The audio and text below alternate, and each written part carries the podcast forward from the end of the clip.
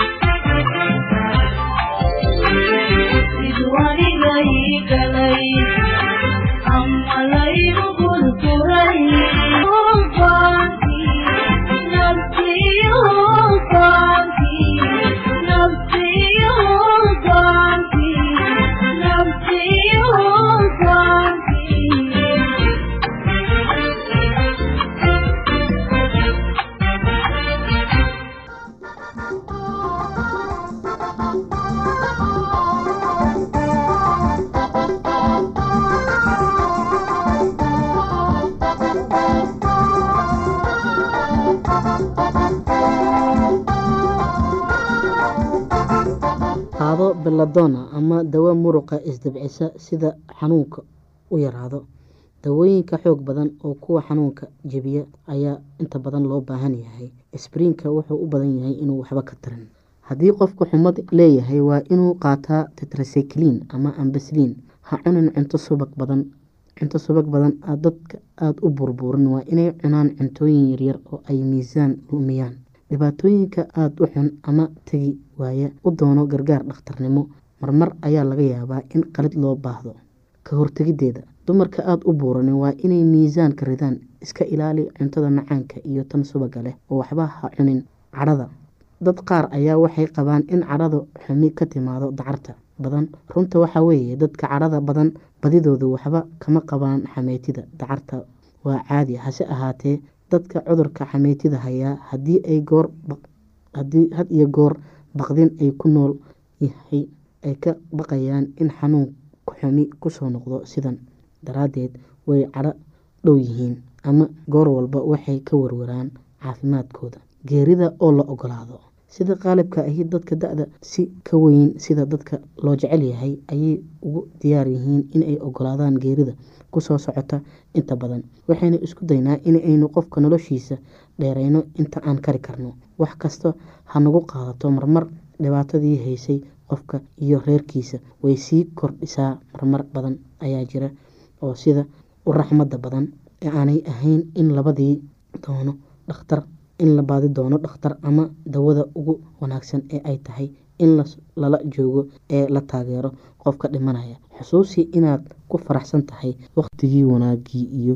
dhibaatadii aad soo wada marteen iyo inaad ogolaan karayso dhimashadiisa. Saacadaha ugu dambeeya jacaylka iyo ogolaanta geerida ayaa dawo kasta uga wanaagsan. Dadka da-da ahi bukaanka ku raagay waxay jecel yihiin inay gurigooda joogaan oo ay meesha ay garanayaan iyo dadka ay jecel yihiin ay ka doortaan cisbitaalada marmar waxaa laga yaabaa in tani soo dad qofka geeridiisa hase ahaatee goor walba ama xumo inay tixgeliyaan qofka dareenkiisa iyo baahidiisa iyo kuweenaba marmar ayaa qofka dhimanaya. Waxaa dhibaatadiisa kordhisa ogaanta uu ogyahay lacagta ku baxaysa in nafta uga sii jirto oo ay sabab u noqoto reerkiisa ama ogolaadaan ama caruurtiisa oo gaajooto. Waxaa laga yaabaa inuu doono inuu iska dhinto. Waxaa jira marmar ay hagaagsan tahay dad badan sida aada geerida uga baqa. Xataa hadday dhibaato qabaan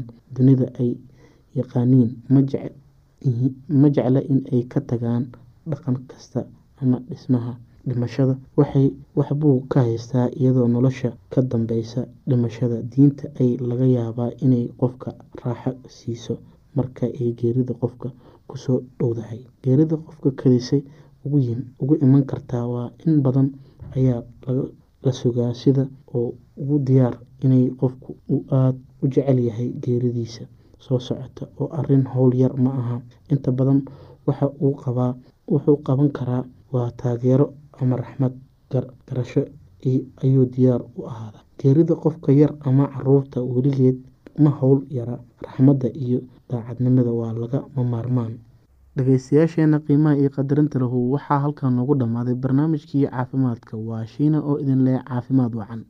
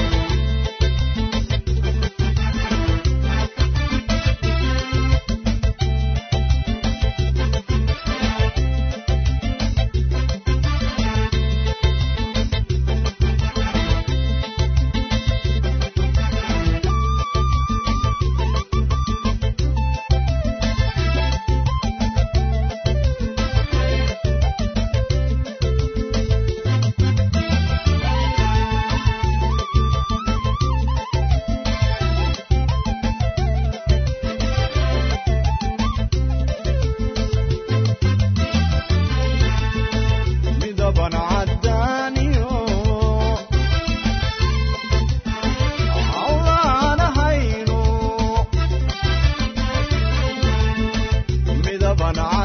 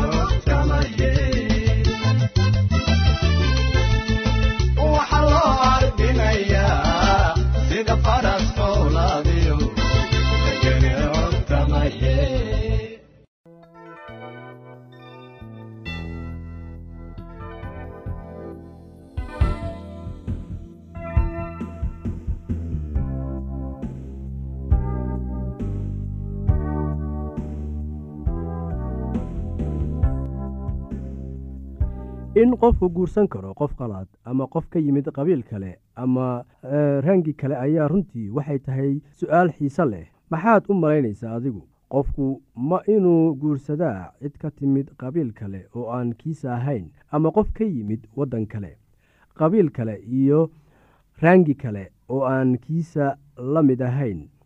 Waxaan uga dan leeyahay midab kale aan kiisa ahayn.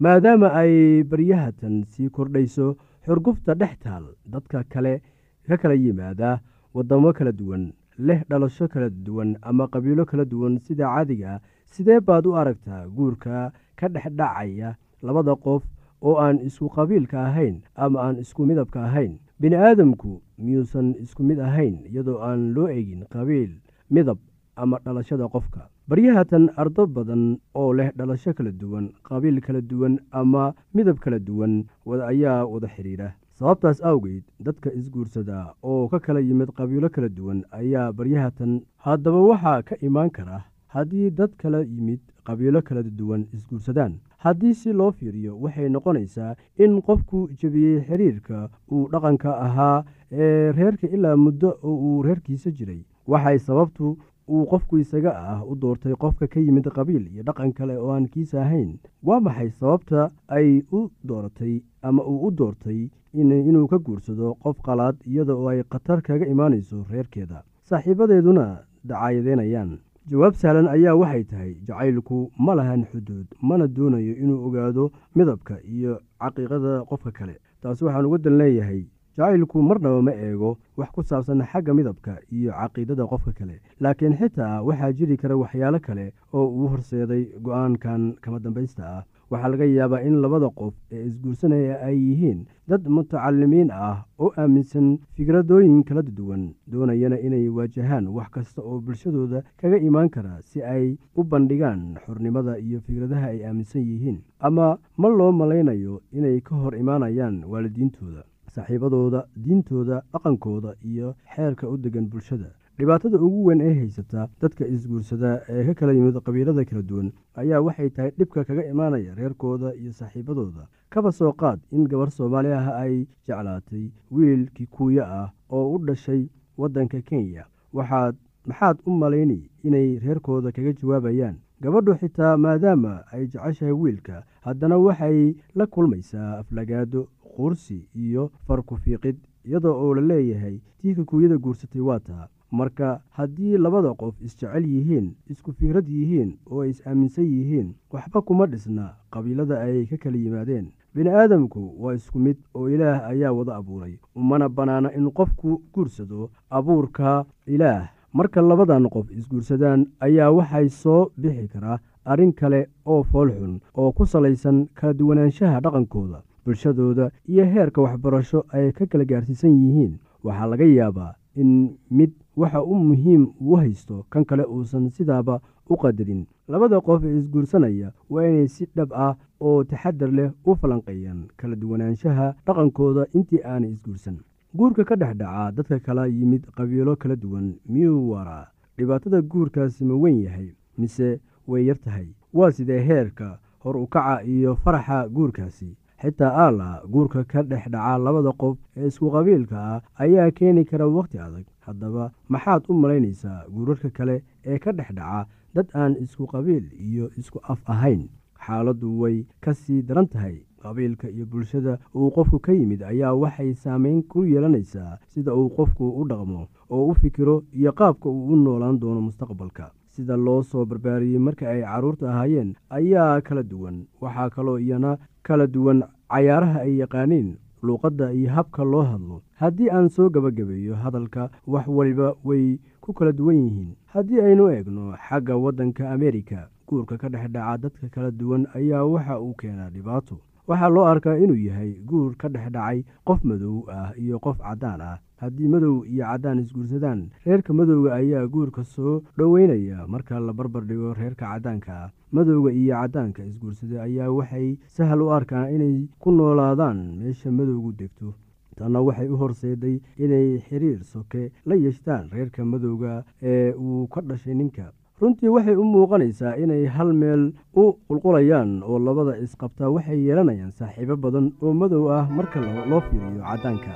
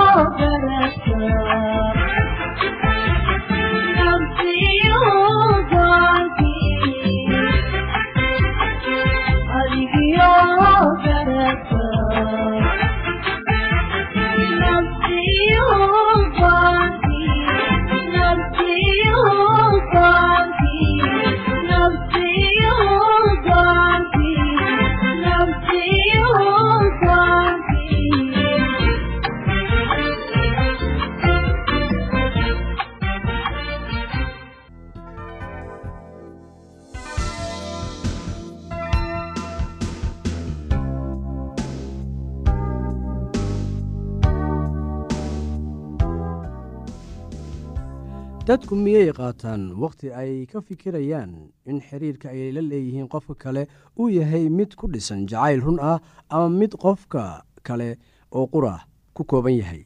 Xiriirkii ku dhisnaa afka keliya markii uu dhammaado sida caadadu tahay uu dhammaanayo. Markaasay dadku dib u eegaan oo isku yidhaahdaan runtii wax inaga dhexeeyey qofkaasi maba jirin.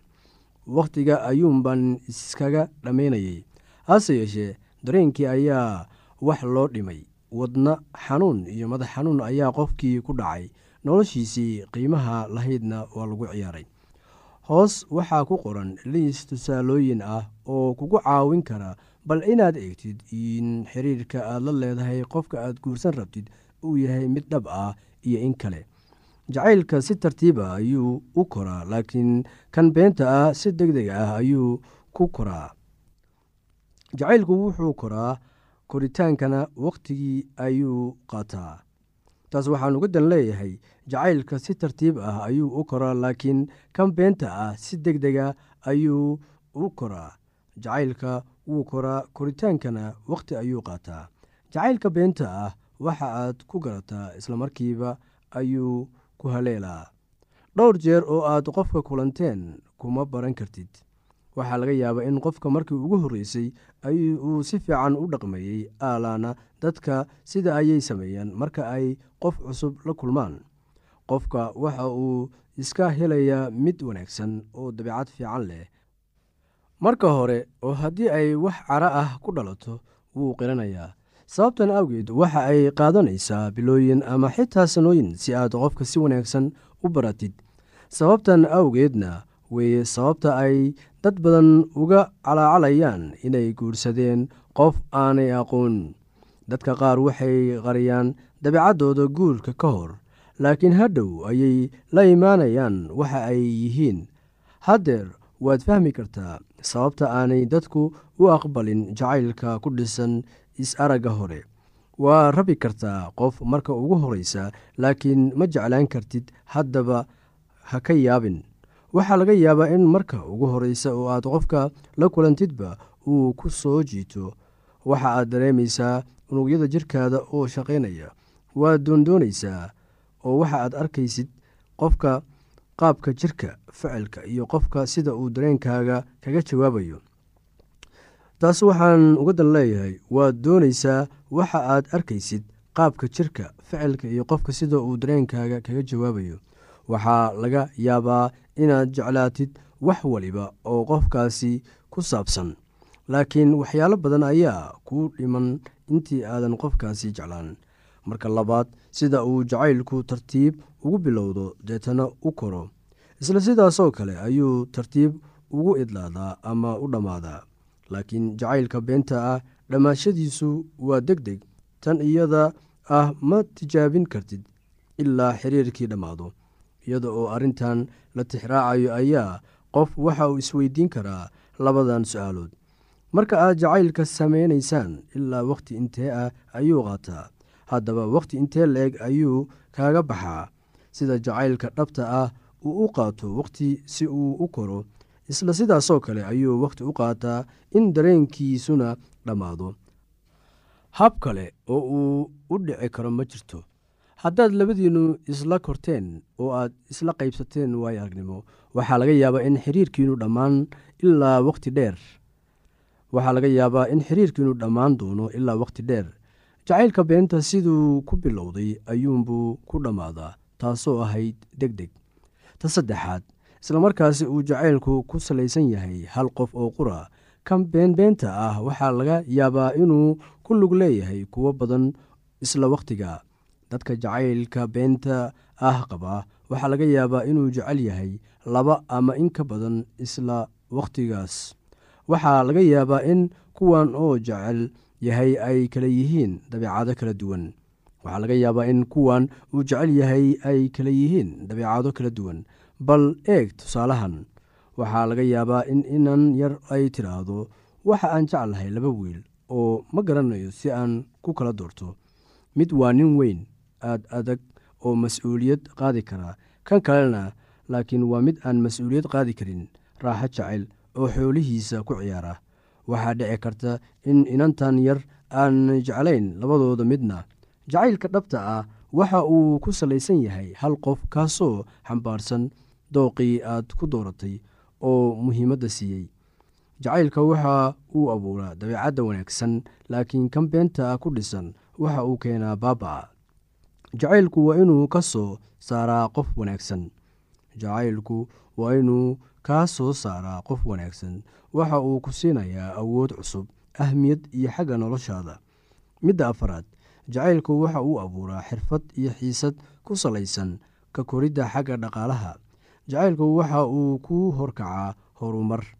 Qorshooyin adadag ayaad samaynaysaa maalkaagana waad dhiganaysaa waxaa laga yaabaa inaad mala awaalaysid laakiin dhabta jirta ayaad ku dhex jiraysaa adiga oo fikirkaaga saaraya qorsho aad fulin kartid. Jacaylka waxa uu kugu dhiiri gelinayaa in sida ugu wanaagsan aad u shaqaysid. Mid taa ka soo horjeeda ayaa ah mid jacayl beenaadku keeno. Waxa uu keenaa baaba iyo kala daadsanaasho. Waxa aad is arkaysaa adiga oo ku jira xaalad howlgab ah oo waxaa qabadkaagii isdhimay oo aanad markaan awoodin inaad gaarto goolkii aad lahayd